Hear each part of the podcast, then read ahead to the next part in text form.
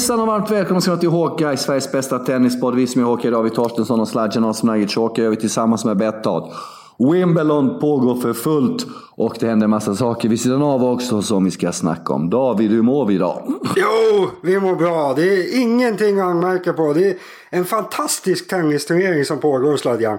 Eh, så det går ju inte att vara missnöjd en sån här vecka. Vi, vi har ju bra, vi som i någon mån får sitta och titta på det. Jag får ju sitta och titta ganska mycket. Du får sitta och titta lite grann. Du har ju andra grejer att hålla på med också. Men nej, det är härligt det här, eller hur? Ja, visst är det det. Nadal Kyrgios igår, torsdag, vi spelade in fredag. Hatmatchen. Nadal vann med 3-1 i set. Inga varma känslor mellan spelarna efteråt. Nej, det var det inte. Eh, Jag vet inte hur mycket vi ska sammanfatta matchen riktigt. Men det var... Kyrgios uppförde sig ju jävligt dåligt. Eh, Han Skit i matchen, ta det runt omkring. Ska, får, får jag inte säga någonting om matchen? Ja, men alla sett matchen, är gammalt och klipp hit och dit. Prata om runt omkring. Alla sett matchen, vi vet. Kom Okej igen, då. ta runt omkring. Ja. Eh, ja, men det var, de var inte riktigt kompisar efter. Eller Kyrgios trodde ju att de skulle vara Mm. kompisar. Det var ju kanske det, det, ja, det var, Som sagt, det var mycket dåligt uppförande för Kyrgios. Men det, det liksom mest patetiska, det var ju när han efter matchen trodde att Nadal skulle vilja vara kompis med honom. Han gick fram och tackade och hoppades på en liten försoningskram. Eh, det blev ingen kram. Nadal tackade honom utan att kolla honom i ögonen. Jocko, eller Djokovic, Kyrgios klappar honom i ryggen på vägen när Nadal är på väg mot domaren för att tacka. Alltså, jag vet inte, han, han har nog lite svårt att förstå sig på hur andra människor tänker, Kyrgios. Jag tror inte... Ah, jag, jag tror inte han riktigt fattade att Nadal faktiskt hatar honom. Eh, så det, Ah. Nej, dåligt. Sen var det väl kul att se. Nadal stod ju och pumpade upp sig en del efter matchen. Så det var nog en av hans skönare segrar någonsin det här tror jag. Han tycker inte om Kyrgios alltså. Han tycker väldigt, väldigt lite om honom. Ja, det märks. Och det är ganska roligt när engelsk press talar om konflikten mellan Nadal, eller mellan Kyrgios och Djokovic. När det finns en konflikt som är uppenbart tvåvägs. Det vill säga Nadal, Kyrgios, medan Djokovic aldrig ens har nämnt eller kommenterat Kyrgios. Den är ganska rolig. Ja, Men David, det är mycket vi ska snacka om idag. Vi ska snacka om att det är slut mellan Donna Vekic och Stan Wawrinka. Vi ska snacka om att du aldrig litar på mina källor. Mm. Vi ska snacka om spelarrådet, att fyra spelare hoppat av. Vi har lyssnarmail och mycket annat. Men! Jag tycker vi börjar med veckans spelare. Och vem kan vara veckans spelare? Kan det vara 15-åriga Coco Goff från USA som tränas av Muratoglu nere i Frankrike? Hon fick ju wildcard till kvalet, vann kvalet, slogs eh, Venus Williams i första matchen. Det skiljer 24 år mellan dem. Venus har sju Grand Slam-titlar, fem Wimbledon. Det är ett ganska bra tillfälle att äntra en världsscen, eller hur David? Det är ett ganska bra tillfälle. Och det är ett ganska bra tillfälle att ta tillfället i jakt också. För Coco Gauff vann då mot Venus med 2-0 och sen följde hon upp med seger mot Rybarikova och mötte Herzog från Slovenien under fredagen. Vinner den väntar Halep eller på måndag. Hon har tagit tennisvärlden med storm, hela världen med storm den här veckan kan man säga David Goff. Det får man säga. Coco, bra namn Coco Goff. Föräldrarna heter Corey och Candy. Corey, Candy Yes. och Coco. Bra namn. Eh, nej, jag vet inte, jag har inte... Damtennis är ju inte min paradgren. Jag har inte sett jättemycket. Men det är en 15-åring så här som kommer in och slår. Kanske inte några av de bästa de här två? Men det är ju sjukt. Hon måste ha alla möjligheter att bli till och med bäst den här tjejen. Det verkar ju helt sanslöst. Damtennis är inte eh, eh, David och kära lyssnare. Det kommer med jämna mellanrum fram idrottare, atleter som är universella. Som går över det fack, den nisch de verkar i. Kan vara Michael Jordan i lagsporter, kan vara Serena Williams, eller Nadal, eller Djokovic eller Federer i individuella sporter. Vi vet ju att tennisen har varit ganska inrutad också de senaste åren med de här tre på herrsidan som dominerar fullständigt. Serinas dominans på, på damsidan som börjar svaja. Och Osaka har inte den här star qualityn, hon har inte den här självklarheten för att axla den manteln. Men Coco Goff, Jesus Kristus, hon har ju möjlighet att antla- axla alla dessa fyra mantlar ärligt talat. Hur vuxen hon är på... Tror du det? Vad, vad baserar du det på? Verkar hon liksom har hon utstrålning eller vad, vad är grejen? Är hon mer än bara bra? Massa saker. För det första har hon en jäkla utstrålning. Hon har utseendet med sig för att få liksom massa sponsordealar. Hon har en repertoar som är det viktigaste i sitt spel som jag aldrig sett en dam ha förut hon är 15 år gammal. Hon har ett psyke, ett lugn på banan som imponerar helt sjukt. Hon har den här härliga tron på sig själv. De frågar liksom efter Venusmatchen, eh, hur långt vill du gå? Jag vill vinna hela turneringen. Men vem ställer upp i en turnering utan att vinna den? Ja, många. Men vilja vinnaren ska man ju.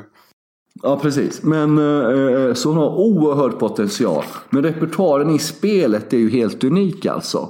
Eh, eh, på den här sidan och med den åldern. Det finns ju ganska mycket utvecklingspotential att jobba med dessutom. Redan sponsorkontrakt med Barilla. Har haft sen ett tag, ser ju någonting. Men hypen kring henne har varit ganska pågående ganska länge. Och nu när hon äntligen får äntra vuxna världsscenen. Som hon tar chansen alltså. Det är ju så jävla imponerande. Lugnet till intervjun, jag menar det hon säger till Vinus som skakar hand vid nät. Eh, tack ska du ha, men det vore för det skulle inte jag varit här. Bara en sån sak David. Ja, det, det, låter ju bra. Det är två matcher, jag vet inte. Ganska stor kontrast till Leo Borg som får wildcard till juniorernas kval. Och torska i två raka set. Och Aftonbladet vill inte ens skriva ut vad setsiffrorna blev, för de blev väl för pinsamma. Om vi då ska hålla på och jämföra då, Torstensson, så har du två ytterligheter där med två jämngamla individer. Ja, det, det känns ju lite mm. hårt att jämföra dam och herrtennis kanske. Det är inte så här supermånga herrtennisspelare som har... Ja, men glöm jämförelsen med Leo Borg. Det var ingen jämförelse, bara konstatera. Jag fokuserar på Coco Gauff istället. Ja, nej, jag, jag, jag, jag har inte sett... vilken, vilken håghet Sladjan. Du har ätit taggtråd idag som min fru ja. skulle ha sagt. Eh, nej, men det är väl fantastiskt. Jag vet inte. Eh, hur bra är hon undrar jag redan nu? Alltså är hon topp 50, är hon topp 30, topp 20? Vad, vad är din uppfattning efter att ha sett henne i två matcher? Hur, liksom, hur bra är hon redan nu? Nej, jag skulle säga topp 20 absolut. Alltså lätt topp 20. Lätt, lätt, lätt. Efter, typ i sin första stora turnering. Det är ju helt, måste ju vara helt, helt unikt i så fall. Så ja, då finns det ju vissa möjligheter. Ja, det är det. Men det är också, det, det, ibland kommer det upp, eh, ibland kommer det fram folk med, som har det där. Verkligen inte ens lilla extra, utan mycket, mycket extra. Och hon är en sådan. Bara slå Venus med 6-4, 6-4. Ja, så är det. Det ska man ju säga. Om man ändå gör jämförelser med här tennis att en sån spelare har ju inte kommit upp sen Nadal och Djokovic. Så det var ju, det är ju snart 15 år sedan. Så alltså det, det kommer ju några. Ja. Det har kommit tre sådana senaste 20 åren i tennisen. Det är Federer, Nadal och Djokovic liksom. Men sen har det har inte kommit någon nu på 15 år. Så om det här nu är en sån. Då är det, det vore ju ganska bra för damtennisen att få en sån. Som väl är en kanske första efter Serena Williams i så fall. Så det, det vore väl ganska bra om det stämmer det där att de är väldigt speciell. Och sen är det här då, båda tränare Moratoglu. Moratoglu säger ju själv att det enda som Eh, Koko eh, använder Serena som inspiration spelmässigt sett är det natural. Alltså, alltså bara hennes rörlighet, hon rör sig i sid och djupled, är helt otroligt imponerande eh, av, det, av de två matcher jag sett med henne i Wimbledon. Så det får nog du får nog ta, ta din tid på någon av hennes matcher om hon kanske möter Halep då, om det blir så. så att... Ja, det låter så. Det där, det där känns ju faktiskt så spännande att man måste se det. Så känns det. Jag har sålt in henne alltså? Ja, nej, men alltså jag älskar ju sport. Så, så jag skulle ju titta på krocket ja. om det kom fram en krocketspelare som någon sa nej det här är världens just nu största idrottsman eller idrottskvinna. Då hade jag satt mig och kollat på krocket mm. fast jag kanske inte ser så mycket live-krocket annars. Eh, och det blir ju så lite samma med damtennis att jag ser nästan ingen damtennis men om någon säljer in en damtennisspelare på det här sättet som en liksom superidrottare eh, då måste jag ju se det. Så nu får vi försöka titta på eh, Kokko. Ja, det tycker jag absolut. Du ska ha ju väldigt bra bakgrund. Mamman har ju varit eh, duktig i friidrott, Pappan var basketspelare på college-nivå och så vidare. och så vidare och så vidare. Eh, så det blir intressant. Eh, det ska bli mycket, mycket intressant att, att, att följa henne framöver. Tyvärr kan vi inte spela på henne. Jag hade gärna lagt in en slant på att de ska vinna hela skiten. Men det går inte eftersom hon är under 18 år tydligen. Men det är en helt annan. Hårda bud med du. Du, det är slut mellan Stan Wawrinka och Donna Vekic.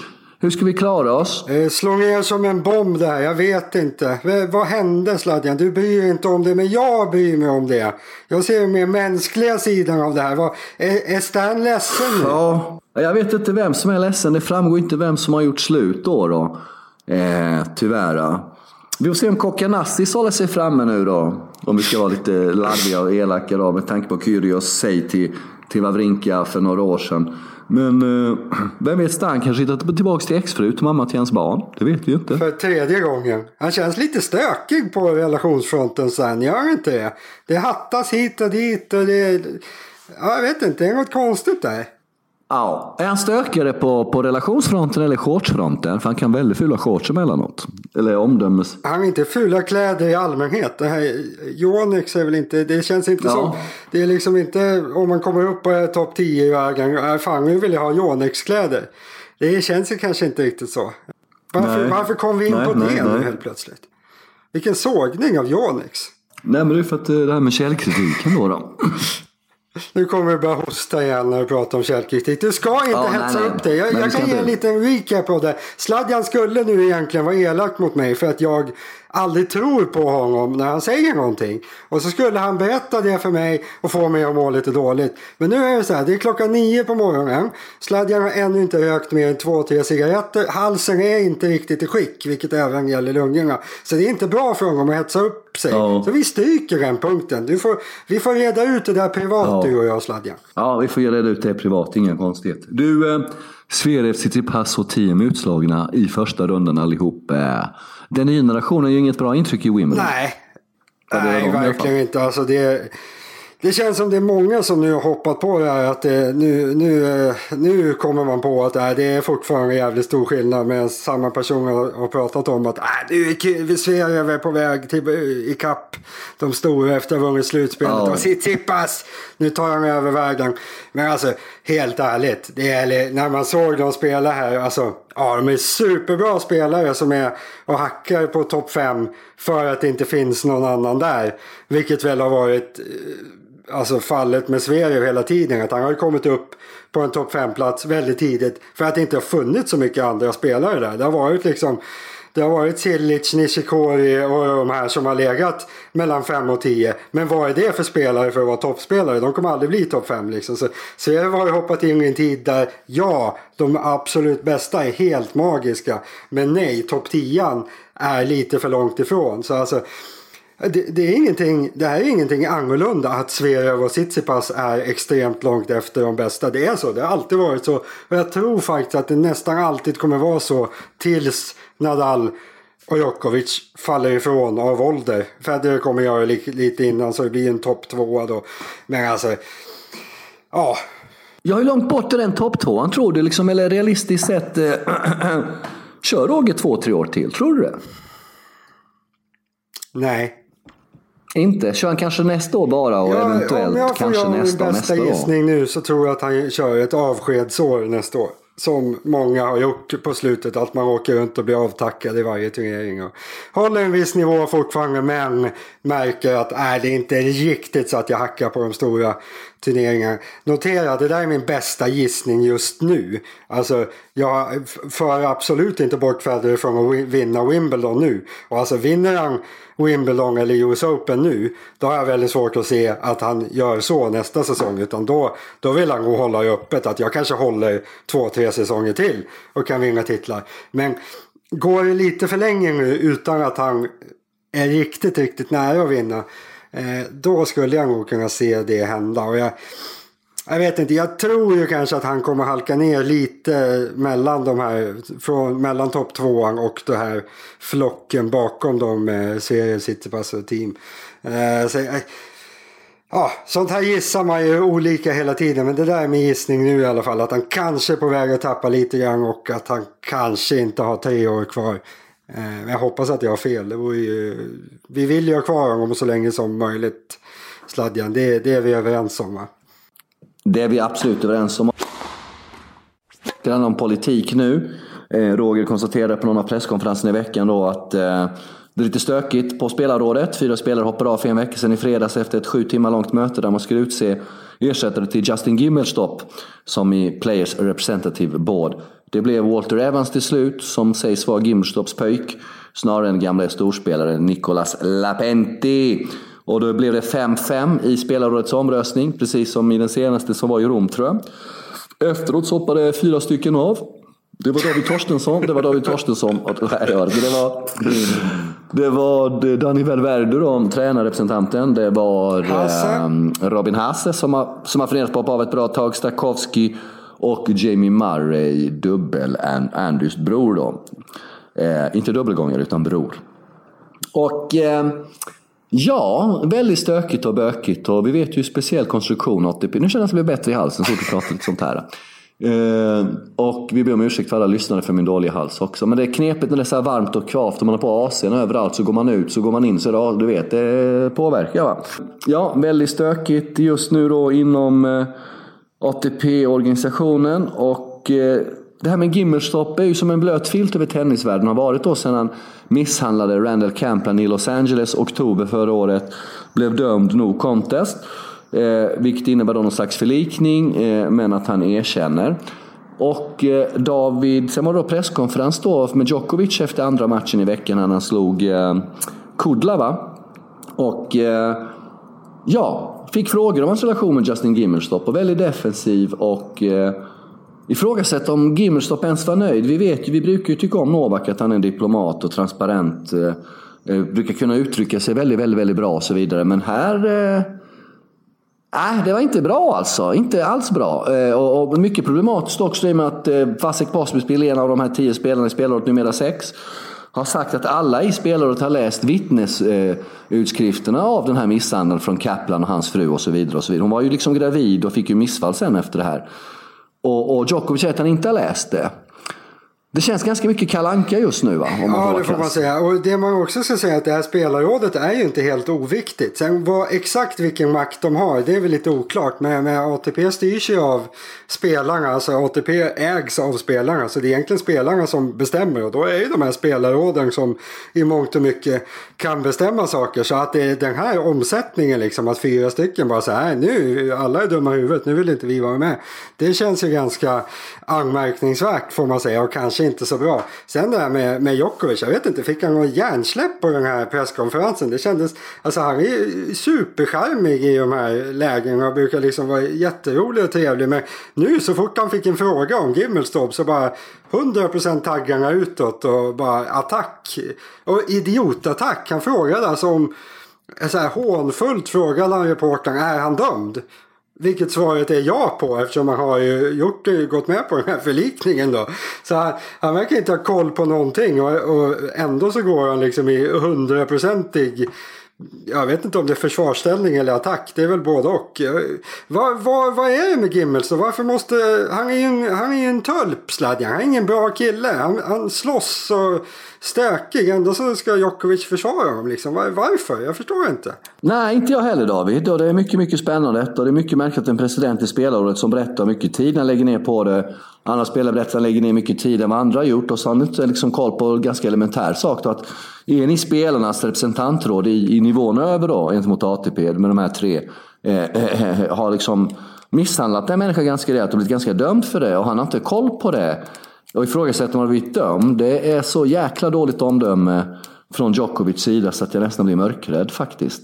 Eh, och då de här spekulationerna om att det är någon pakt mellan Djokovic och Gimmerstop att de skulle få bort Chris Kermode som, eh, som det blev där inne i Wells. Då kan ju återigen aktualiseras och bli fri att spekulera i då med tanke på detta. Djokovic har en historia av sig att hålla sina vänner om ryggen när de är i problem. Vi har sett det med Cilic och andra exempel.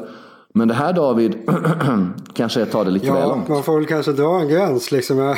Att hålla sina vänner om ryggen, absolut. Men det, ja, jag vet inte. Han, det var ju ingen bra grej han gjorde här Gimmelstorp känns det som. Och jag vet inte, det känns lite ovärdigt att Djokovic ska hamna i den där skiten. Så nej, dåligt. Och kom ihåg det här nu alla. Att nu har vi varit elaka mot Djokovic här. Eller rättare sagt sagt bara att det här är värdelöst.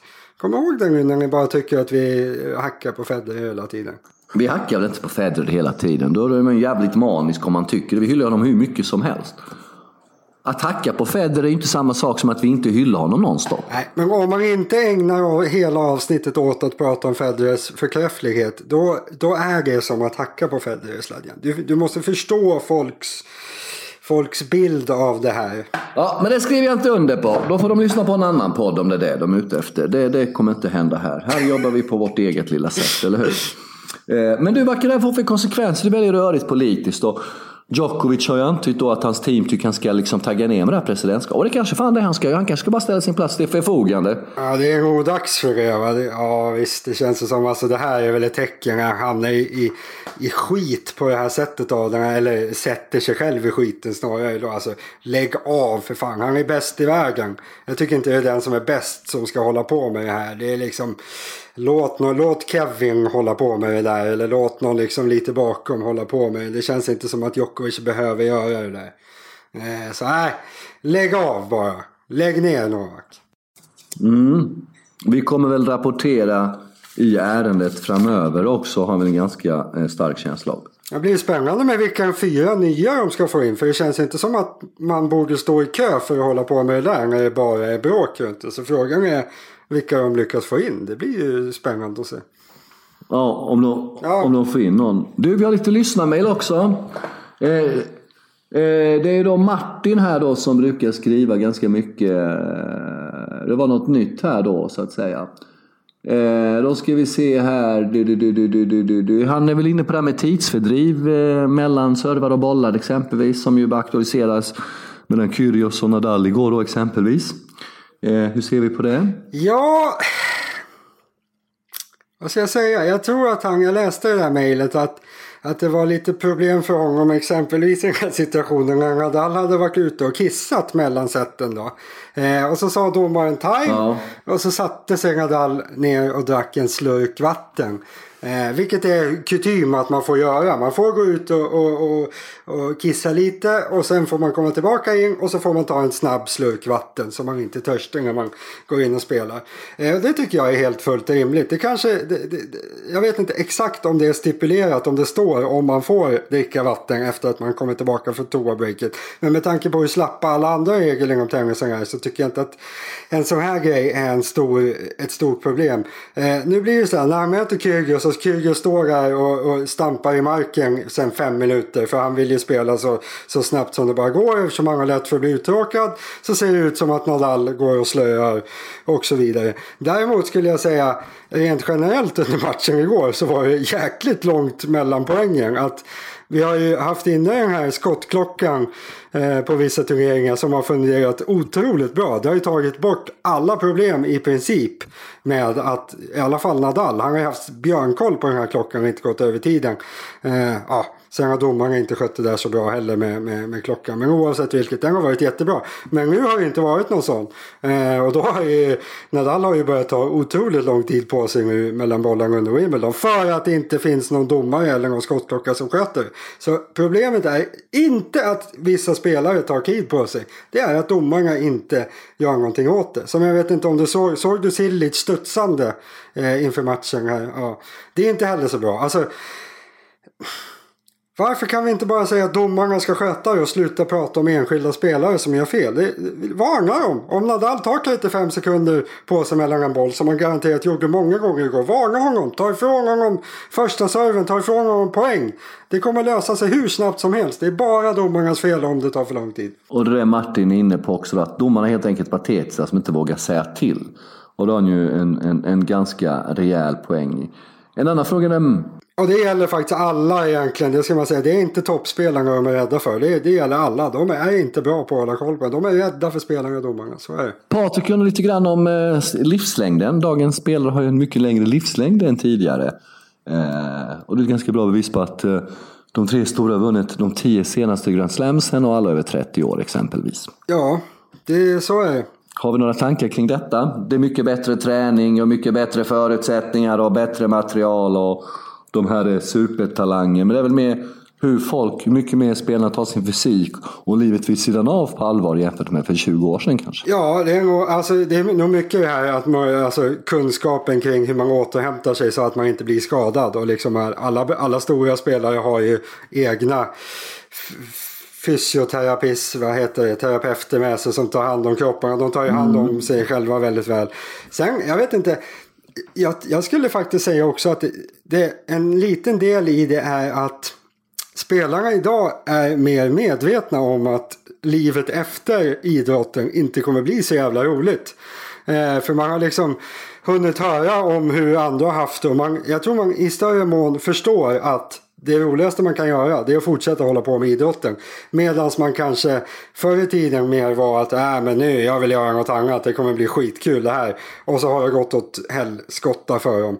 Eh, ja, pengarna också såklart. Man, man tjänar rätt bra på att köra på några år till. Eh, de har ganska saftiga sponsorkontrakt som vissa av dem i alla fall baseras på att de spelar så ska man lägga av då ger man bort liksom 200 miljoner om året plötsligt det blir lite dyrt. Så. Massa olika eh, parametrar som gör det men eh, det, jag tror att det är en trend som stannar utan tvekan att folk kommer att idrotta längre i framtiden eh, än vad de gjorde förr i alla fall. Ja, de kommer väl idrotta med, med metallhöfter. Ja, typ. Det kanske inte ens är framtiden, utan just nu. Andy Murray och Serena då ska spela mixdubbel tillsammans. Vad tycker du om det? Ja du Sladjan och Smaragdus, hur ska jag... jag? Jag tycker. Jag tycker ju inte om det riktigt. Jag tycker inte att det behövs. Varför? Nej men varför... varför? Nej. Kommer Andy Murray liksom vara stolt över att ha vunnit mix till Wimbledon efter allt han har uträttat? Behöver han göra det? Det är klart han kommer vara med en metallhöft i, i Ja, men han kroppen. kommer vinna dubbeln. han skulle Fokusera på att vinna det. dubbeln. Det är ju en jättegrej. Vinna mixed. Jag menar, de som vi, du berättade till, till mig, jag vet, det var innan sändningen, du berättade om att det var en engelsman som hade dumpat sin partner för att få spela med den här Kokko i Wimbledon nu. Eh, Ja, just det. Jay Clark som torskade mot Just det, Roger just det, eh, tidigare i veckan. Igår, ja. Han torskade alltså mot Roger igår Ja. och han är, han är väglös. Han är, en- han är en medelmåtta på Kärlingetouren. Ja. Han var i semi förra året i mixed säger du. Med en brittiska som väl inte är en gång superstjärna som jag har förstått det. Och när Murray ser ah, den där killen, han som spelar på Kärlingetouren och inte kan spela tennis överhuvudtaget. Han var i semi förra året. Nu jävlar ska jag vara bättre än honom i mixed. Det kommer bli så stort. Nej, jag tror inte han tänker just att han ska vara bättre än Jay Clark. Men det får ju vara det som var målet i så fall. Det är att han väldigt gärna vill vinna den där. Ja, ja, det är som det. Du, vem vinner? Eh, Nej, jag tycker det är lite tramsigt. Fokusera på dubben. Det var kul att se honom och Herberg igår. Jävlar vad han kämpar Murray. Vilken inställning han har i dubben alltså. Sjukt. Ja. Du, vem vinner eh, om du tar fram en segrare i dam och herr? Ja, damer kom jag fram till att Kvitova vinner. Motivationen är att jag har sett henne spela bra på gräs förut. Ja, jag väljer Pliskova där då. Varför då? Eh, Eftersom man inte fick välja Coco Goff. Nej, bra serve, bra på gräs, underlaget passar henne. I och för sig, det är inte så ofta hon vinner turneringar, det går hela vägen. Men det kanske funkar den här gången. Men for the record, hade jag kunnat hade jag spelat på Coco. Jag tror att Coco kommer vinna damsidan. Undrar, undrar vad Coco... Nej, undrar vad Coco hade stått i för odds. Jo, jag säger det till dig nu. Jag... Hur långt tror du att Coco kommer gå då? Jag har ingen aning, jag måste få se henne först. Men för, ska Mm. man bli så här riktigt nördig, vad fan händer med oddssatserna när man inte kan ha med en spelare? Tänk om Kokko hade varit favorit och så har man inte med henne i oddsen. Det blir ju otroligt stökigt att spela på det då. När man, när, Nej, det är inte så att vi spelar för, för, för, för liksom ungdoms för 12-åringar. Utan vi nej. spelar på professionell idrott. Wimbledon, eh, eh, där professionella idrottare ställer upp världens bästa 128 i respektive klass. Så kan man inte spela på en, på en, på en, på en kandidat som ser ut att ha allting för att kunna gå hela vägen. Och som skulle generera ett jättebra odds dessutom för att hon är helt ny på scenen.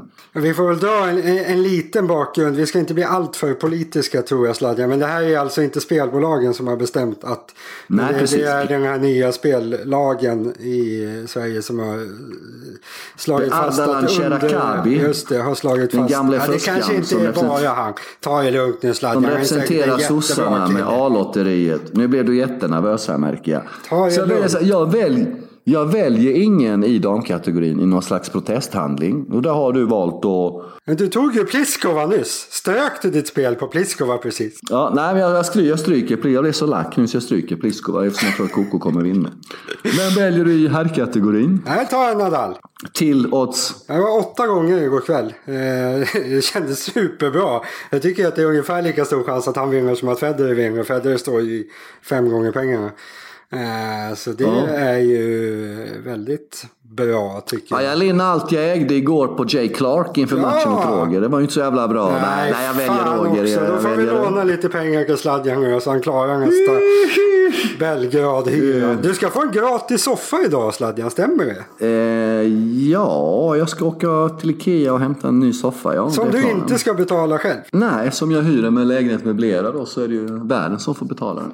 Otroligt bra. Så skulle jag också vilja ha. Bara Mm. kunna åka och hämta möbler när jag behöver. Det räcker bara med en gardin. Går sönder så ringer så kommer de och byter. Liksom minsta lilla så kommer de som skallade råttor och byter här. Och väldigt bra service om man betalar för sig. Vilket liv och städerska har du och säkert en butler också.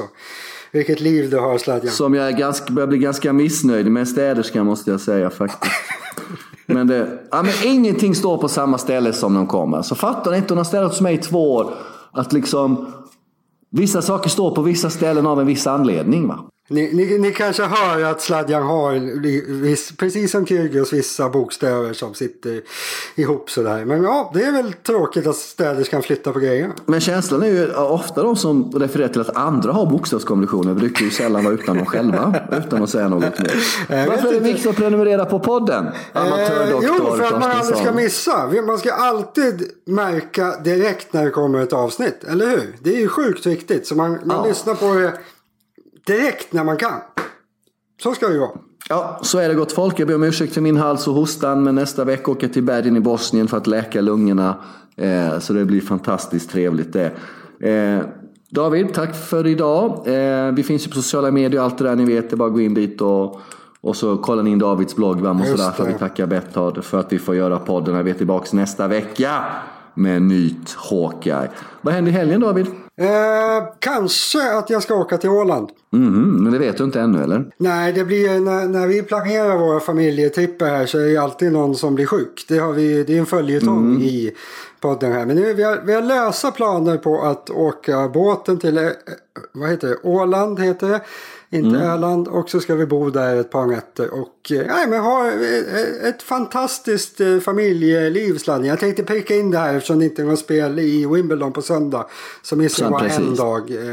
Nej, så ja. hoppas vi får till det. Det blir trevligt. Själv då? Vad, vad händer? Något kul? Nej, det blir väldigt, väldigt lugnt. Du har ju haft syrran och hennes döttrar i tio dagar. De har åkt hem här nu så att det har varit mycket aktivitet. Så det blir nog väldigt lugn och stillsam helg. Bra. Det blir det absolut, absolut. Bra. Mycket, mycket bra. Tack till alla som har lyssnat. Tack David. Håkan, Sveriges bästa tennisbad, är tillbaka nästa vecka. Hej, hej.